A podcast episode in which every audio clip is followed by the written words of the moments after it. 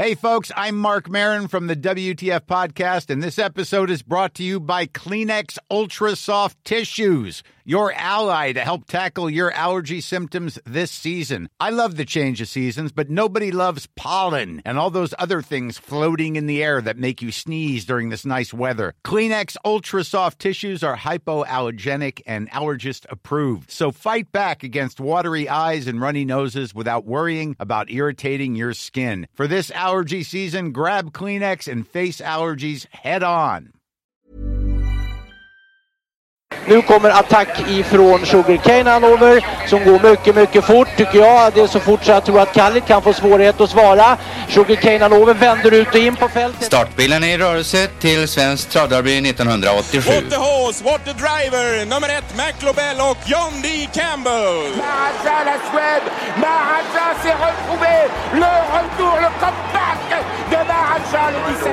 vid något tillfälle att jag trodde att det var en av de bästa hästar jag hade tränat för. Det tolkades på olika vis. Du behöver inte misstolka det längre, för det här är den bästa häst jag har kört och tränat någon gång. Barenne, me gusta, me gusta, me gusta! Un classico, no problem! Barenne, facile, alla me! Treöarnas prins leder, fem Calgary Games är på utsidan. Treöarnas prins, fem Calgary Games har kopplat greppet mitt på upploppet och är på väg mot segern. Nummer fem, Calgary Games! Tre Francesco Zet är där i tredje. Ut igen vidare spår då. Fyra Donny Zet Tio Melbings. Mr Invictus galopperar. Tre Francesco Zet med hundringen till mål. Han har bollat med konkurrenterna. Francesco Zet. Men nu har nummer två, Tetrik Vanja, tagit över ledningen mitt i sista kurvan. Två, Tetrik Vanja, några längder före fyra, Julius, Julia Sisu och sju, Jigsaw Sisu. Först in på upploppet, nummer två, Tetrik Vanja, någon längd före fyra, Julia Sisu och sju, Jigsaw Sisu. Det är nummer två, Tetrik Vanja, som har en klar ledning 50 meter från mål och är på väg mot segern. Två, Tetrik Vanja! Där var de ju då. De som Magnus förra veckan kallade för de tre fenomenen i de olika årskullarna 2021. Allihopa tre bra radar och efter då Tetrik Vanjas obegripliga uppvisning. Nej, det kanske det inte var. Men det var ju mäktigt på alla sätt. De tre musketörerna. Just det. Ja, mäktigt var det naturligtvis samtidigt. Det går ju inte att bortförklara någonting. Men samtidigt. Vad var det för motstånd? Nej, det blev ju konstigt allting. Med de uh, Colgjini-hästarna redan borta på förmiddagen. Ja. Och allt vad det var. Och många galopper. Ja, och den enda, ett- enda som möjligtvis skulle kunna hänga med Sommerbrise, Sommerbris. Eh, blev jag fast till slut. Ja, det var så pass ja. Mer eller mindre i alla fall bakom en trött uh, stallkamrat. Nej, det blev... Man ska inte kunna vinna med en sån galopp på kort distans. Men eh, den är överlägsen, det är väl så. Intrycket annars? Vad tyckte du Magnus? Alltså han, han var ju... Ja, han var ju inte som bäst. Det blir bara ändå lite fånigt att säga efter något sånt där då. Det, det var ju... Eh, han var absolut inte som bäst och det säger ju allt om vad det är för typ av häst också. Eh, nu var det skönt att ni två båda lite innan här var de här som säger att det inte var så bra motstånd. För det satt man väl och tänkte på. Det blev ju oerhört uppskrutet och man vill inte vara så tråkig och säga, men det var ju väldigt tunt. Alltså, han vann på 13 och 8. Eh, det hade ju liksom inte, de här som var 2, 3, 4, de har väl inte knappt fått pengar de senaste, jag vet inte hur många år vi får gå tillbaka så. Va? Så på det sättet, om man ska nyansera det, men, men hästen som sådan är ju samma fenomen i alla fall. Det, det ska ju inte gå, alldeles oavsett. Eh, och, och de här tidsgraferna som, som jag gissar att eh, Mikael Kudren Kudrén kommer att lägga ut här, det, de, han har redan antytt ju att det var ju hiskeliga farter som Tetrikvania gick eh, bitvis där i, för att komma ikapp. Och sen var det väl någon 11 och jag vet inte vad som sades där. Det hade ju klockats av andra under tv-sändning och så vidare. Men ja, nej, det blir bara en massa bladd. Alla har sagt allt om den här hästen. Vi, vi hoppas ju att den får tävla, att det blir så. Var det något annat Jägersro som sa någonting? En, en talande tystnad här. ja, var det, medi- var det så mediokert? Man gjorde väl, VF gjorde väl det bra i guld där. Ja. Jag trodde ju lite på Harambuco. Han blev fullständigt massakrerad på bara några hundra meter. Ja, det var två, två olika raser som det brukar heta. Ja, nej. Och sen var det ju då... Det var, jag tyckte det var intressant i eh, V75-avslutningen där när eh, Sweetman blev, tyckte jag ändå överraskande favorit. Eller han blir väl favorit, men jag tyckte det var lite märkligt ändå att Rackham... Det blev ganska stor skillnad på dem. Men Rackham var ju... Han var ju bara bäst. Det, det är en otroligt bra häst tror jag. Eller det har vi sagt också förut, men det, det var kul att se den. Och sen var det ju Kurjari Boko där, där jag måste erkänna att jag trodde att eh, din häst inom citationstecken Henrik, där MT Oscar faktiskt bara skulle äta upp Kurjari Boko när de gick ut på slutvarvet. Jag fick oerhört feeling för att det, det var som du har sagt Henrik, att du inte tycker Kurjari Boko är så där extra. Men eh, han gick ju undan. Liksom. Det, Gick han undan? Han åkte ifrån dem hur lätt som helst utan att Ja, han överhuvudtaget behövde göra någonting. Så att Nej, det, det, det, det var, klass, klasskillnad där. Kurre Boko var mycket bättre än jag trodde också. MT Oskar gjorde väl det jättebra utan att kunna utmana. Apropå räcken så ska han, om jag förstod rätt, starta på Vincennes i mitten av december här någonstans. Får ni vara vakna pojkar. Ja, det är redan klart i Kolstybs-rapporten att, att Rackham är perfekt. Han är perfekt på stubben. Jajamän. Ja. det blir spännande att se honom där såklart. Ja, verkligen. Något från veckan då i övrigt som är värt att nämna? Tystnad igen. Ja, det var väldigt mycket tystnad denna dag. Ja. Vi struntar i det helt enkelt och går och tittar till uh, Prix de Bretagne istället. Ja, Facetime Bourbon i en klass för sig. Eh, lite avvaktande start, tog det lugnt. Bakom några hästar där. Och körde till ledning när han tyckte det passade. Erik Lafay. Och sen var det inget snack om det. Etonant, duktig tvåa och så Basis femåring där. Trea då. Eh, så det var ju ett, ett lopp utan värde egentligen. Jag tyckte om man får säga något om Wild Love så eh, följde, följde hon bra med som nia. Ja det, det kan man ju skratta åt. Men, Ja, det låter sådär. Ja men hon var med i högen bakom Facetime Bourbon. Hon var bara slagen de andra priser med ett par tre längder. Med tanke på vad vi har sett i Sverige den senaste tiden eh, så var det ju en klar, klar förbättring. Och hon visade, tycker jag med all önskvärd tydlighet att hon kommer att få en, en bra, ny bra vinter i Paris. Nu är det två veckor till nästa B-lopp, Prix de Bourgogne 12 december. Sa jag inte vad Basis häst hette så hette den Ganaille de Banville. Eh, och han var trea på 11 och 7 vill jag då säga. Etonant tvåa på 11 och 6, vinnaren 11 och 4. Och för att återkomma till Wildlove 11 och 9 som nia. Här är det bara vinnaren som Nej, har de det är direkt tre första är klara. Det är så alltså? Etonant, Ganaille de Ja. Banville och Facetime. Ja, Facetime är alltid klar. Han stjäl ju en plats där egentligen när han vinner. Vad är annan dramatik på Jägersro också vid sidan om banan höll jag på att säga. Dels då de två strukna hästarna efter att Ludvig Gold, eller Adrian Goldinis eh, hästar kommit för sent till Jägersro på förmiddagen. Det var väl innan, innan klockan, eller senast klockan 10 va? Ja, de ska komma dit mellan, eh, det står ju mellan 9 och 10. Är det inkörning Mm. för de här hästarna. Och de han var inte där i tid och de hade helt enkelt missat det här. Men gnällde inte för det utan eh, tog på sig hela ansvaret själva. Det var ju vackert så. det har varit intressant att höra någon av ägarna. Ja, de ska ju kompensera ägarna här. Vad, Ja, hur gör man då? Är, då? är det 1,4 miljoner man är kompenserad Ja, med per, där- per häst? För då hade de ju, hade de ju chans till. Det där är ju inte alldeles enkelt. Nej. Är det ett sånt där klassiskt fjärde pris? Ja, dubbelt fjärde pris får det bli då. Ja, jag tror de löser det. Det är väl deras hästägare Uffe Eriksson där. Men jag tror inte han var så Mm. glad i lördags. Nej, det, det är klart. Sen vet jag inte det här alltså. De skyller inte på någonting och, och jag vet inte, den här informationen finns ju i propositionen att man ska vara där.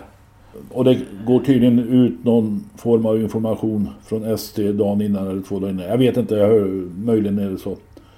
Eh, man kanske skulle då önska att, att i sådana storlopp att eh, det är bara det det handlar om egentligen. Att, att Ester då tydligt går ut med information dagen innan eller två dagar innan. Vad skulle tydligt vara i sammanhanget? Det står ju mycket klart och tydligt på deras hemsida. Jo, men att man skickar ett sms till de 12. Mm, Ja, just det. Men det verkar det väl göra. Ja, de göras. gör ju det och det här är ju så svårt men jag hamnade i någon kompromiss när jag satt och funderade kring det här. Det, det här är ju så pass nytt för alla och kanske i den här övergången mellan det vi har haft tidigare och det vi har nu så kanske ST skulle ha en, en lite högre nivå på informationen men samtidigt är det ju, de har ju informerat eh, och det går ju inte att komma ifrån att varje tränare är ju ansvarig här. Det är inte så att ST har mörkat det här på något sätt. Nej då, det är ingen som säger det. nej. Men för att undvika det. Det är ju hästägare som drabbas och, och så man kan ju försöka undvika det genom att vara övertydlig då. Men det är, Ja, det, Samtidigt, nytt och nytt. Det är i alla fall andra, det är all, i alla fall minst andra säsongen det här. Så det är så nytt är det ju inte. Nej, men att man, vi har ändå, I år har vi två, två tränare som har missat det i alla fall. Eh, och det, man kan alltid, då tycker jag man alltid kan fundera på om det går att göra mer, men med information är det ju alltid svårt. Jag jobbar ju med det dagligen. Man kan aldrig informera tillräckligt för det är alltid någon som missar. Det spelar ingen roll hur tydlig man tycker att man är. Så att det, jag tycker det är svårt att, och, och liksom hitta någon, något att SD skulle... Jag vet inte exakt vad de ytterligare skulle göra om de ska skicka två sms om det ska komma ut Ja. Nej, det är, jag tänker mest att det är en mardröm när de kom på det. Jag funderar på det. Satt de i bussen och insåg vi kommer inte att hinna eller väcktes de så att säga när de öppnade dörren och kommer in och säger att ni är för sent? Alltså. nu tror jag ingen av dem där satt i bussen precis. Nej, knappast. Nej, men jag tänker mest när bussen kom fram. De som satt där. Eh, De som Ja, fick det- höra, det var ju bilder i tv när, när eh, funktionärerna pratade med de som satt i eller jag såg det på Twitter tror jag förresten, eh, när de pratade med dem och meddelade att ni är för sena, ni får åka, ni får åka hem igen. Ja, det, Det, det kan Det inte, det- alltså när man inser det en sån här dag, det kan inte vara kul alltså. Och som de, de tar på sig det direkt naturligtvis, de inser det är fel, men ändå, jag, jag var inte avundsjuk på dem och det var ju tråkigt för loppet. Det, det går ju inte att komma ifrån. Sen var det då Johnny Takte som ju tyckte att hade, ja, hans uppsittning, nu har jag glömt vad den heter till och med. Custom chef.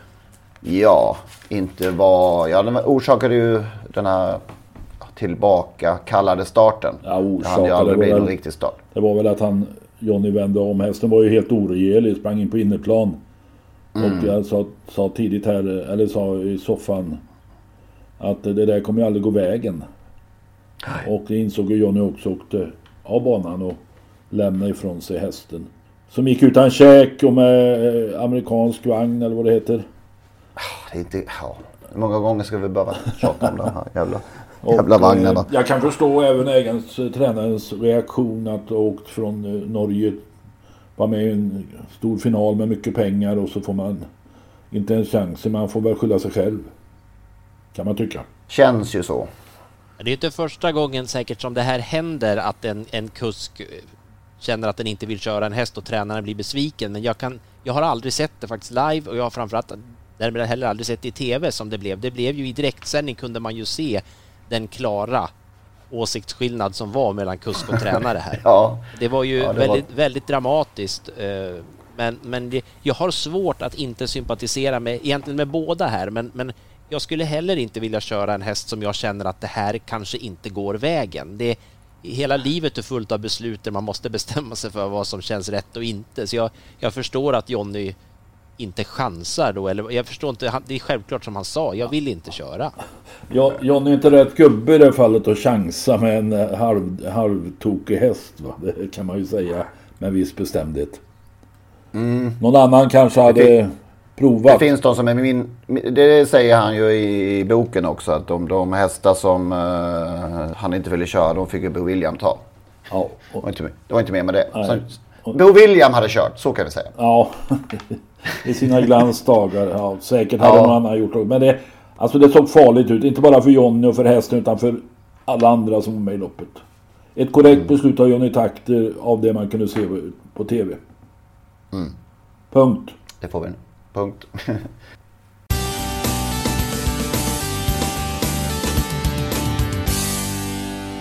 Ingen minns en tvåa? Jo då, det gör vi visst det. Har vi konstaterat ja, många, många veckor nu. Minnesvärda tvåor. Ja, exakt. Och eh, starka tvåor som eh, ja, har etsat sig fast av en eller annan anledning. Vi har fått ett par eh, tittarbidrag, lyssnarbidrag kanske. I bild, I bild finns vi inte ännu. Lyssnarbidrag. Ska vi börja, ändå börja med, med din eh, Lennart? Ja men det var ju Count on Luck i det där kriteriet som personligen blev så eh, hyllad naturligtvis. Det, med all rätt den lilla, det lilla stort. Och, men Count on Luck var ju Kjell-Arne Gyllströms eh, stora chans i livet att vinna ett riktigt stort lopp. Eh, och... Vi kan väl lyssna här hur det lät på från och med sista bortre långsidan. Då gör vi det. Pride öppnar 2000 meter efter en 17 och en halv. Upp som andra häst tar sig då nummer tre Count On Lack. Det är nummer tre Count On Lack som har tagit sig upp på utsidan om nummer sju Ted Pride när de har mindre än 500 meter kvar med som tredje häst följer nummer 10 Personia. De är i mitten av den sista svängen. Leder och gör nummer sju Ted Pride sida vid sida med nummer tre Count On Lack. Där bakom har vi nummer 10 Personia. Vi har dem nu i utgången av den sista svängen. Nummer 7 Ted Pryder i ledningen på utsidan. Attackerar nummer 3 Count On Lack.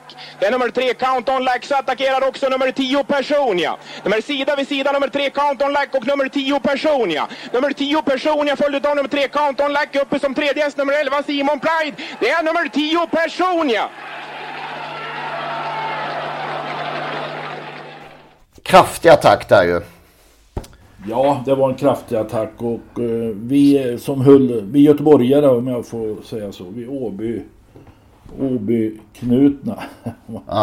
Eh, hade ju stora förhoppningar på Counton Lack och, och, det såg jättebra ut när Kjell-Arne Tjarne drog på på långsidan där 700 kvar. Men det var också han som fick dra fram personliga då. In på upploppet. han såg ju väldigt, väldigt stark ut i 500 kvar så ja. ser det ju man tänker väl också på den tiden, alltså men nu när vi vet hur det gick, men, men inte trodde man att lilla personen skulle vinna kriteriet? Jag trodde nog inte ens skräcken. Nej. Linder som vann, men ja, det, det, blev ju så då. Och, och eh, Contonac gjorde ett jättebra lopp. Han ägdes förresten av eh, eh, gamle kulstötaren Honta Höglund, om ni minns. Det gör ni förstås inte. Och en bagare tror jag det var i Göteborg. Eh, Bengt, Bengt-Åke Molin, någonting sånt. Ja, just just eh, Honta Höglund har jag missat i historien, får jag erkänna. Ja, svensk, svenskt rekord hade han säkert i 27 år eller något. Ja. Men eh, hästen såldes året efter till Italien och sprang in 2 miljoner, en Count Pride-son. Count on Luck. Det är en minnesvärd två. Vad gjorde han i Italien, kommer du ihåg det? Han sprang in 2 miljoner totalt. Ja. Och det var ju på 80-talet så att eh, eh, jag minns inte om han var något, några lopp där nere men det måste han ha gjort. Han, han, han, gick bra hästen tror jag. Två miljoner var ju ganska mycket på den tiden. Ja verkligen. Utan att ha vunnit något stort. Det var inte bara lira utan det var svenska kronor. Ja. ja men då tar vi två, två lyssnar eh, två år här då. Vi börjar med eh, Rickard Usijärvi som ju minns mycket väl. Jag tror vi har tagit upp det någon gång själva också i, i podden. I något sammanhang. Men McLobell som en tvåa. Det var inte ofta han var mest vinnare. Men här förlorade han alltså mot Karate Shop i Kalmar. Den här Olympia-uttagningen va. Bosse Näslund. Det glömmer vi aldrig. Och eh, som Rickard eh, uttrycker här att, att McLobell också skulle bli en ihågkommen tvåa. Ja, det trodde ja. man ju inte var. Nej, nej. Och sen har vår, vår eh, trogne vän Stefan Eriksson. Som skriver, eh, jag hängde mycket i stallet hos Kacke Nilsson på Mälsåker i min ungdom. Och visste att det var rejält påställt vad gällde skoter i kriteriet den 7 oktober 1984. Kack hade kört två kriteriefinaler och var fortfarande obesegrad som kusk efter vinsterna för Pamir Brodde och Happy Feeling. Eh, möjligheten att spela förtid var emellertid nästan obefintliga om man inte var förutseende och skickade en postanvisning fler. Ja, det är det som klassiker som vi har varit inne på tidigare själva. Han var förhindrad att vara på plats eftersom han var engagerad som funktionär vid ett e- event i Mälarforum misstänktes. Ordnade dock så att jag fick lämna mitt engagemang i Strängnäs under tre timmar Satte mig i bilen och åkte de åtta milen till Solvalla bara för att spela skoter. Det är runt sex gånger. Skoter gjorde ett heroiskt lopp. Svepte fältet på sista borta långsidan och eh, ja, sen vet vi alla hur det gick. Eller hur? Ja, den där svep, eller svep, alltså den sista bortre långsidan där, den, den minns man ju. Den Ja. är ju... Eh, jag förstår att det har... Alltså hade man spelat skoter så är det en långsida man vill se och sen vill man naturligtvis se att han vinner Ja. också men det var... Den är ju speciell på den där skitiga banan också som det var. Det var ju det var spektakulärt lopp. Ja, ver- verkligen. Och så kommer Stig då såklart. Ja men som vanligt. Det är ju det också. det- om det hade varit Exakt, det, annan. det är liksom sån eh, klockren. Den har allt liksom den, den, här, den här tvåan. Om man har spelat den. Den har otroliga prestationen, svepningen och så kommer Stig. Det är som Tyskland och fotboll. Ni måste berätta vem Stig körde. Det är inte säkert att alla kommer ihåg det där. Nej, just det. Mac the Knife såklart. Jag undrar om inte jag för mig att han ryckte skorna för första gången också på. Och vi har pratat eh, om det här loppet. Det är lätt så. Vi han fastnar ju, eller fastnar, vi återkommer gärna till lopp man minns och nu var det en tvåa vi gärna minns för det, han, han gjorde mycket av loppet för oss som såg. Skönt att det inte var vårt fel den här gången. Att vi, att vi återkom till loppet. Tunga åtta mil hem för en ung Stefan då den för dagen bästa hästen inte fick vinna. Avslutar eh, Stefan Eriksson. Mm. mm. Och så kommer vi med mer Stigo här i, i, på, till råga på allt. Vi lyssnar på det här.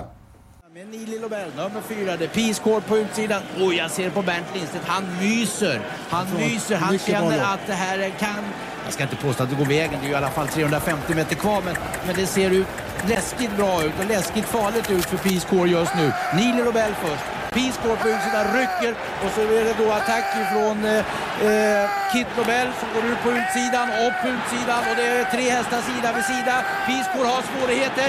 Eh, det är Kit Lobel på utsidan med sida vid sida. Vem har starkast i spurten? Vem har bästa huvudet? Jo, det har nummer två Peace Corps!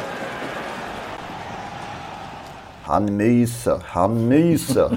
Osten. Ja, Eh, jag- 300 jag minns kvar, det det där var ganska väl. Jag stod på inneplan och jag kunde inte tänka mig när de svängde in på upploppet och det kunde inte Bosse Blomman heller uppenbart. Att, att eh, Lindstedt skulle förlora det där loppet från sin favoritposition i andra par utvändigt. En hel värld eh, trodde nog att uh, Kit Clubell skulle knata förbi där. Men hon gav sig inte så lätt. Pi- Pisan. Han var hård. Mm. Verkligen. Ja. Var den gången när Johnny Takter svarade ledningen med Nili Lobel. Det var ju inte alltid han gjorde. Men det, det, var, gjorde han ju så att, det, så att det blev ett spännande Elitlopp. Mycket. På köpet. Mm. Nu ska vi gå ännu längre bak i tiden. Till ett visst, eh, ja vad är det, slutet på 60-talet som eh, vi ska tillbaka till va? Vad handlar det om då? Då handlar det om eh, en viss eh, derbyvinnare. Som det finns eh, dramatik eh, över som Var det inte riktigt 71 kände... han vann? Var Ja det kanske det var. Det började på Majo, 70 kanske då. Rune jo Johansson, Snoddas. Det fanns ju dramatik här som inte riktigt kände till. Nej, det kom något fint eh, bildspel förra veckan via Runes bror. Nej, förlåt, bror. Son. Och eh, hans syster Runes dotter hade gjort detta. Och när jag lyssnade på det där så... Vad tusan, det här har jag aldrig hört talas om. Men veckan innan derbyt så hade... Snoddas hade ju två hästar med, Vicky Bunter och Najo. Så hade ju någon varit inne i stallet och eh, försökt ja, sabotera möjligheten att vinna där genom att slå i söm, sömmar, söm, spikar alltså i, i, hästarnas hovar. Jag ringde upp Snoddas för att få detta konfirmerat. Ja, stämmer det här verkligen? Undrar vi. Ja. Då var det en grej där som jag aldrig har hört talas om eh, att, att de försökte sabotera dina hingstar eller hästar. Ja, det gjorde de. Hur gick det där till då? Då stod ett söm rakt in i, i hovarna på dem. Och eh, Najo gick det bra för han hade ingen sula va, så den, den slog i, i, i eh, en söm böjer sig va, så den böjde sig va, så han gick aldrig in i mjukhoven medan däremot eh, Vicka hade en eh, lädersula som jag hade på den tiden va, så där, där gick han rakt in i så han var mycket haltare. Men de klarade sig, de kom ju till start båda två sen. Ja, då, det, det, det gick båda två. Det gick på dem. Ho, hovar är inte så farliga, vet du. De, det, det, det, med några dagar så brukar de eh, rätt att du vet, de, brukar, de kan ju bli sömnstuckna när man skor dem. Ja. Och, det, och det brukar gå över på några dagar. Okej. Vad- Ni kom aldrig på vem, ni kom aldrig på vem det var eller? Nej då, det var ju en polisutredning men det var aldrig någon som... Uh, jag hittade aldrig något. vi kommer fram till att det var någon van i alla fall för uh, Micke Bunter var en elak jävel. Den gick man inte in till om man inte var beredd va. Så att den, det måste ha varit en hästvagn som gick in där.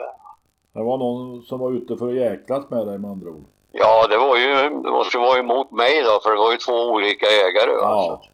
Mm, så kan det vara. Och det gjorde det tydligen.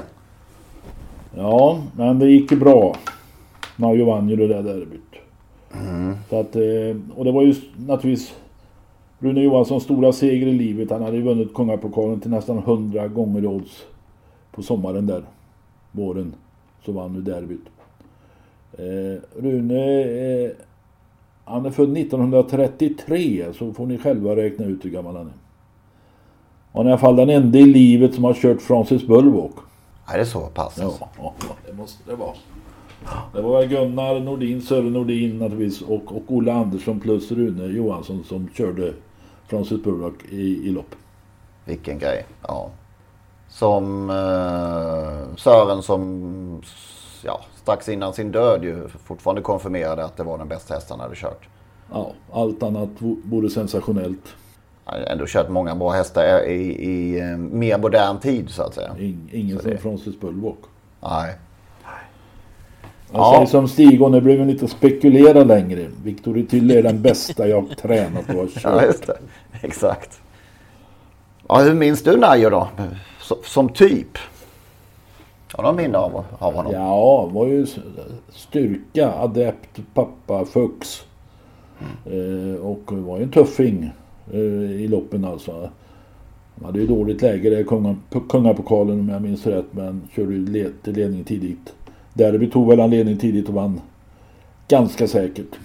Ja, det var en... Även om eh, han var en oväntad vinnare i kungapokalen så, så, så var det en mycket bra häst. Ingen tvekan om det. Utvecklades sent då eftersom han var så eh, lite betrodd där och... Eh, Ja, kan, gjorde, han, gjorde han inget väsen som treåring alls? Ja, jag vågar inte svara på detta. Mitt minne sviker mig ganska ofta nu för tiden. Najo i alla fall. Härligt namn också. Ja, ägaren där höll ju på många, många år efter Najo. Stall Bodekull blev det ju senare då. Just det, det var Ingmar Pettersson där. Jag kan från Karlshamn. Just det, nu, nu. Ja. Nu kom, nu kom Ingvarsson in i bilden. Karlsson. Men det är ett fint bildspel. Alltså, jättekul att, att sonen har eh, gjort en sån här historisk gärning. För jag Det är har... dottern. Hallå, det är Ja, dottern förlåt, jag tyckte du sa först har du bror och sen blev det... Ja, ja, Nej, förlåt. sonen som har Dotter. förmedlat den till mig. Ja. ja det är hu- fantastiskt snyggt för att eh, jag hade ingen koll annat än det vi, det, vi har ju nämnt Najo tidigare men han var nästan lika okänd för mig då också men ja, det, jag tittade med, med, det var under andakt. Det var häftigt Och att så se fick alltså man vilken- se bild när Kalle Holmgren intervjuade eh, Rune i vinnarcirkeln efter segern där. Kalle Holmgren, farfar till ordföranden på Solvalla, Anders Holmgren. Ja, Det behöver inte vara mer märkvärdigare än så. Det behövs... Det, det, um, Det behövs inte tio redaktörer menar du? Nej, och inga rörliga bilder var det ju utan eh, mer eh, stämningsfull musik och eh, förklarande text då till, till olika stillbilder. Ja precis, men det var Som- många bilder. Det var ju det. Det var Ja, många bilder ja, och sen ja, var det mycket tidningsurklipp och just där det finns så många såna här historier som, som förr bara föll i glömska därför att de åkte ner i någon sopcontainer förr eller senare. Men nu finns ju en möjlighet att göra något och skicka ut det för, för all framtid, men betydligt längre än, än förr i alla fall. Så sådana här insatser Mm. är ju är mer sånt. Ja, har ni gamla hjältar eh, som ni inte vill att omvärlden ska glömma och tidningsurklipp så fram eh, vad heter de här programmen som man ska redigera i?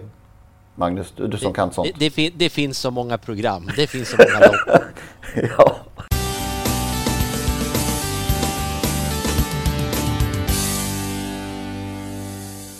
Det är inte lätt att vara travsportarrangör till vardagstrav numera. Det fick du en eh, inblick i förra veckan Lennart. Det är, eh, har man inte V64 åtminstone så är det, så är det tufft. Ja, det är ju omöjligt. Hopplöst. Uppgivet. Jag var en god vän som var på Axvalla på tisdagen. Han, ja, hög, vi var kanske högt 30 sa han. Det är möjligt att några satt undanskymda, gömda i bilar. Men på publikplatserna var det högst 30 synliga. Eh, Det var tre, tre bokningar, tre personer som hade bokat på restaurangen så att den öppnades aldrig. Och när min vän lämnade travbanan i slutet av träningsdagen så frågade han killen i hamburgerkiosken där om det hade varit någon stor åtgång på hamburgare denna kväll. Noll blev svaret. Och, och eh, alltså... Ja, jag vet inte men det måste ju vara jävligt hopplöst att jobba under sådana här förutsättningar. Alltså förr i tiden då var ju restaurangen fullbokad även en vanlig tisdagskväll. En V5-kväll. Det var ju fullt jämt nästan. Nu finns inte en människa alltså. Alla som lyssnar på det här eh, tycker väl att det, att det, att, att det bara strunta i det. Men, men det är ju depp, deppigt. Ja, det är deppigt. Men man, alltså det, det hjälper inte om man håller på med de här svänger som är uttryck som paketera och vad det är. Alltså det är bara att inse att det inte hjälper. Och vad får det för konsekvenser? Det är ju frågan. De är ju extra tunna de här mm, vanliga vardagskvällarna numera. Det är färre lopp och, och sen är det ofta ett sånt här juniorlopp och, eh, som inte går att spela på. Så det kanske är bara sju lopp kvar som gäller någonting. Och det var det ju så förr i tiden när man åkte till Åby. Då var det sju lopp, punkt slut. Det var, Var det inte mer än sju lopp. En torsdagkväll.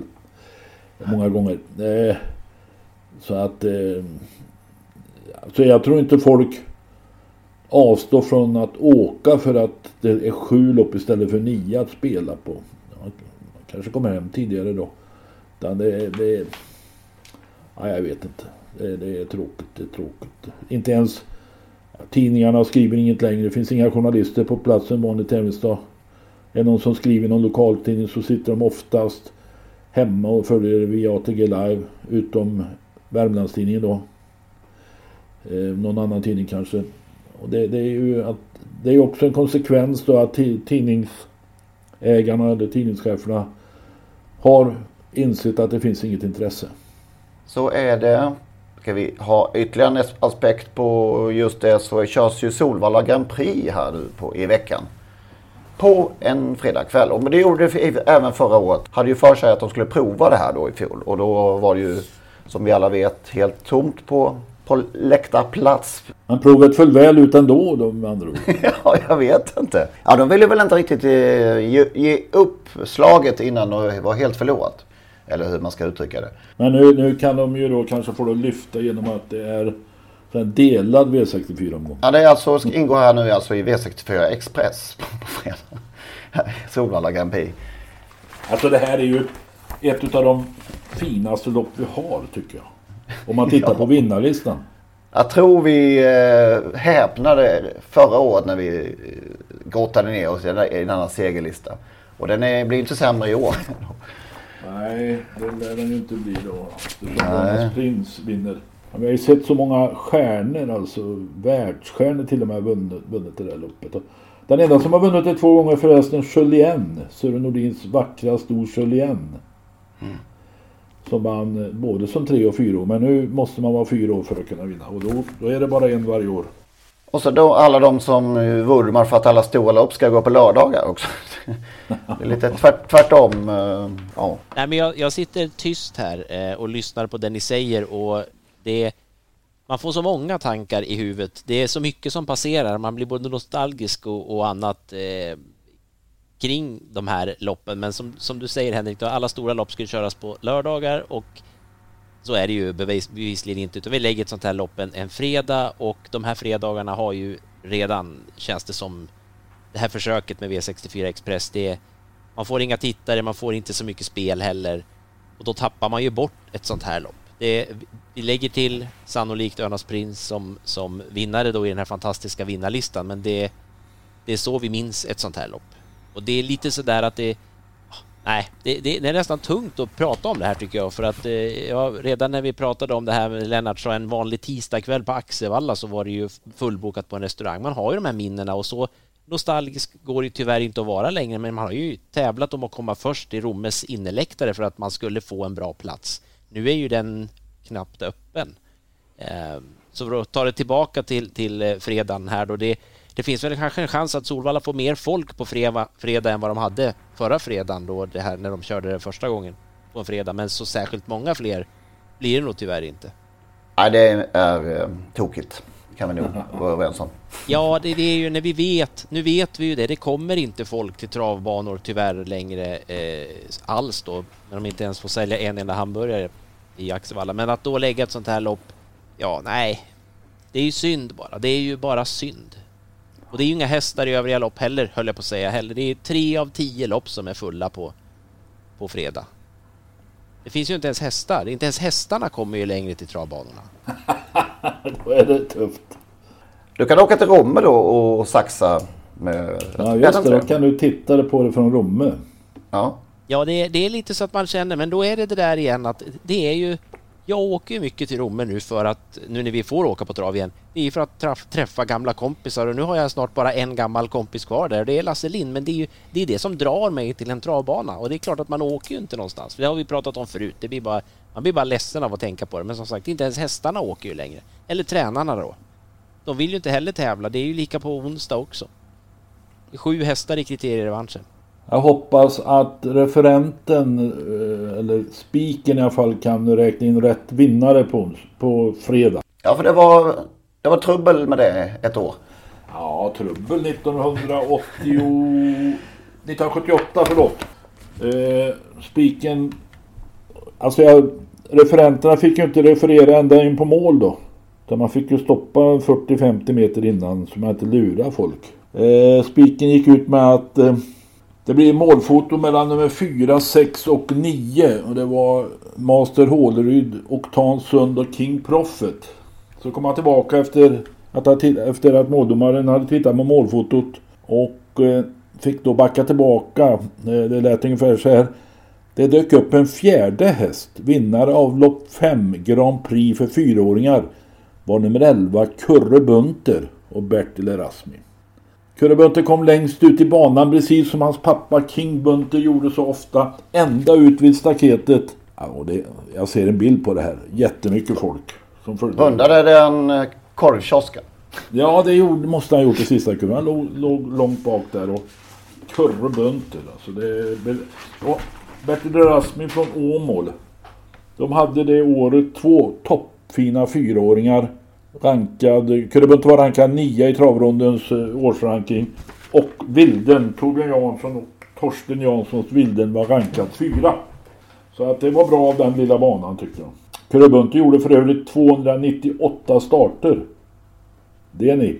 Det hade de behövt göra nu också hästarna för att fylla, fylla Jag loppen. tror ingen i morgondagens Grand Prix eller fredagens Grand Prix kommer göra 298 starter.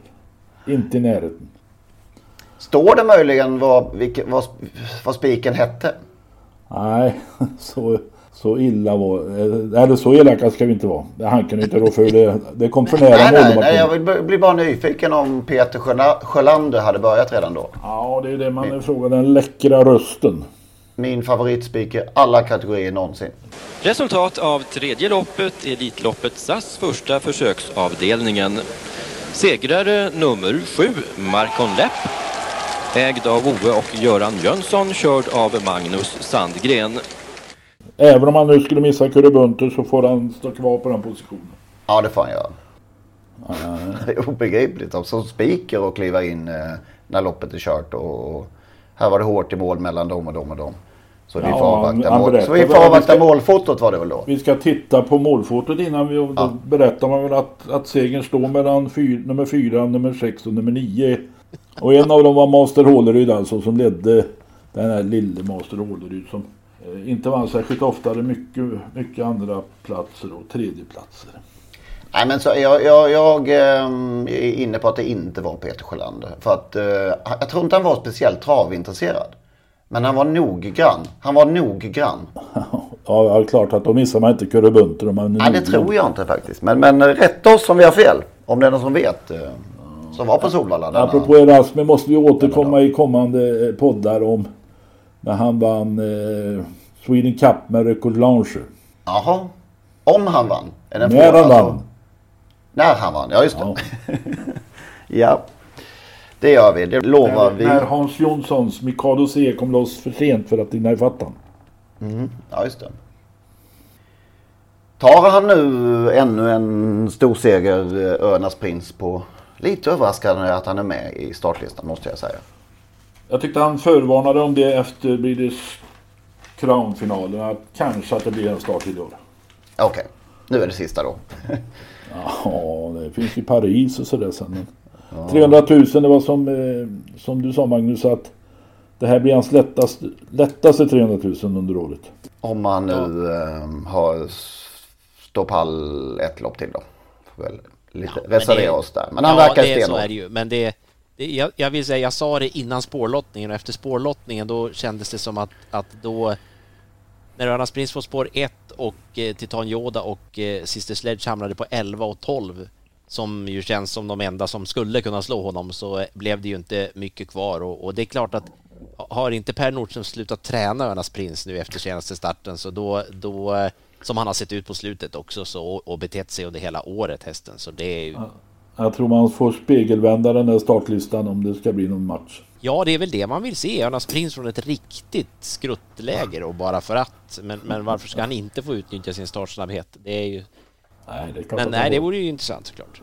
Det är sällan man de, de arrangörerna gör det. Ja, vad vi vet, vad vi Ja. vet, ja, så har det, det är Nej. ingenting som, som är officiellt i alla fall. Det finns vissa tränare som verkar tro att de vänder på startlistor. Ja, just det. De får nog Chisette är alltså ute, men det är utanför eh, V64 Express-kupongen då. Jaha. Ja, precis. Han kommer ut en gång till här nu efter, efter eh, Rom-starten här då. Men är han inte aktuell för något lopp i Paris? Nej. Jo, det siktar de nog på om allt går som det ska. Det låter det väl på Daniel som att eh, nog han lite sugen på det. Det blir nog Belgique kanske då. Eller komma med på pengar i Prix d'Amérique om man vill. Vad säger erfa- erfarenheten? Han har ju 4,5 miljon eh, i år hittills. Ja. Nio, nio och en halv totalt. Ja, ja, precis. 4,5 i år. Ja, men det är totalt är naturligtvis 9,5 hela. Han har ju Prix Tenor de Baun. För femåringar då ja. Vi går väl över till lördag då. Kanske mer intressanta spellopp. Den dagen har vi pluggat. Vi får väl förlita oss till Magnus Ståhlberg. Han har ju, Mm. sin, han har ju sin häst där, Brother Bill. Ja, det bygger man ju naturligtvis allt kring den här veckan. Det är ju svårt att göra något annat. Sen, sen är det, tycker jag, det är roligt att vi får se Carly Smart igen i, eh, som Ja. kommer ut i Baroness Karsks lopp som är stoelitens final. Det är, Ja, det är hela Det är ju- omgångens eh, mest intressanta. Ja, alltså om man, det blir man kan ju inte säga att det är året, en av årets hästar, fast det är det ju. Det är ett svårt år att lyfta fram ännu näst som... som Årets men alltså- genombrott. Ja, det är årets komet på hästsidan känns det ju som, för det, det, den såg man inte komma och, och nu när hon väl är där så, så undrar man ju var det ska stoppa någonstans. Det, Nej, det blir svårt att pill, pilla in den eh, som en eh, kandidat till årets häst. Ja, det, det känns, det, det tänker jag inte försöka med ens. En namnlista får jag inte så, jag får med Colginis på, på den kanske och sen ägaren. Ja, just det. Nej, hon får, eh, hon får se till att vinna lopp istället och det är ju en- en 300 i första pris där precis som i Solvalla Grand Prix. Det ska bli jätteroligt att se henne i alla fall. Eh, Ja, i övrigt, vad har vi sagt? Och som sagt, Brother Bill var vi pratade om i, i guld, i silverhästen. Karl den 16 Gustavs silverhäst. Eh, fick ju spår 5. Eh, det blir väl bra, tänker jag. Eh, och sen, jag var ju väldigt inne på Unique Juni när hon startade på Eskilstuna. Det blev ju fantastiskt fel för henne där då så att den starten glömmer jag. Nu står hon ju med dubbla tillägg i, i Diamantstoets final där. Det för mig är hon första hästen i alla fall. Det, det får jag säga. Igen. Tycker Ja, inte att vi det är hoppas det- att det stämmer lite bättre för henne den här gången då. ja, det blev ju verkligen helt fel där. Så att, eh, sen är ju, det känns eh, utan att ha läst ihjäl mig på omgången redan då, men Admiral As kommer ut igen. Vi vet ju vad, vad han kan. Han fick spår 3. Det är en ganska okej okay ändå silverdivisionsfinal, men han måste ju bli svårslagen där. Sen eh, den som jag tror, tycker så här är omgångens intressantaste speldrag då, om man pratar strikt spel, så tycker jag det är i V75 6, bronsdivisionens final, där One Kind of Art äntligen har fått ett bra spår igen på V75. Han går ju bra varje gång, men nu står han ju faktiskt, har han femte spår bakom bilen och, och, behöver ju liksom inte börja sist, som han mer eller mindre har fått göra på slutet. Så att han, eh, kan man hoppas på att han blir lite bortglömd ändå? Nej, det kan, ja kanske. Just nu är han, är han ju faktiskt det, men vi spelar ju in måndag, eh, sent måndag eftermiddag. Eh, men han är faktiskt ganska lite sträckad i förhållande till många andra här. Ja. Vem är, vem blir favorit eh, här egentligen? Ja, det är nog svårt att säga. Oracle Tile eller Goner. Kanske. Men det vinner ju nummer 9 Handstone DE. Ja, fick du in det också. Ja, där hade du något ändå Lennart. Alltså, ja, den är ju just nu ännu mindre sträckad. Vi får se vad... vad han vad... höll ju på att trassla bort i Örebro där men vann ändå trots att eh, Mårten Almeland Pedersen gjorde vad han kunde för att förlora så hade han överlägset, överlägsen häst och han fram till slut. Och nu ska så vitt jag har förstått barfota runt om. Ja, han blir svårstoppad där. Spännande. Sen har vi Moses också som är, ja, är i, i toppform. Men han är på rätt humör. Vaknar på rätt sida som de brukar säga. Jag vet inte ja. vilken sida det är men. Då, då blir den alltid svårslagen. Han har gått bra hos eh, Perssons, Bruna Persson eller Håkan mm. Persson och Stefan Kör. Inget till sista? Nej, jag... Nej, jag kan inte. Jag tycker ju mycket om Parker, men han blir väl snudd... Alltså, han blir väl kanske favorit. Uh, nu har ju Bugatti Miles fått spår 1, men jag vet inte. Jag tycker Parker har varit uh, betydligt bättre än vad Bugatti Miles har varit, så att... Uh, den som vill chansa kan ju avsluta med spik på Parker då. Jag tar med Senato igen. Alltså.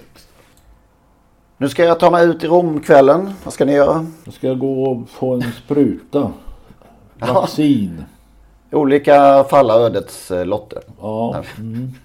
Här har det fallit lite snö i Falun. Så det är ja. inte mycket till Rom här, det kan jag säga. Nej, här har vi, ja det är nog 18 grader idag ungefär. Det är trivsamt här. Jag tror jag stannar. Ja, gör det. Ett par dagar ja. till. ja. Ha det så bra alla. Ja, vi hörs om en vecka.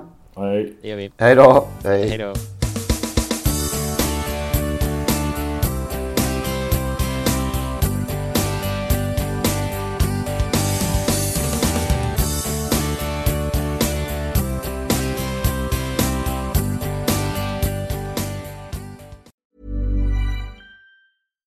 Deserves the best, and there's no better place to shop for Mother's Day than Whole Foods Market. They're your destination for unbeatable savings, from premium gifts to show-stopping flowers and irresistible desserts. Start by saving 33% with Prime on all body care and candles. Then get a 15-stem bunch of tulips for just $9.99 each with Prime. Round out Mom's menu with festive rosé, irresistible berry chantilly cake, and more special treats. Come celebrate Mother's Day at Whole Foods Market.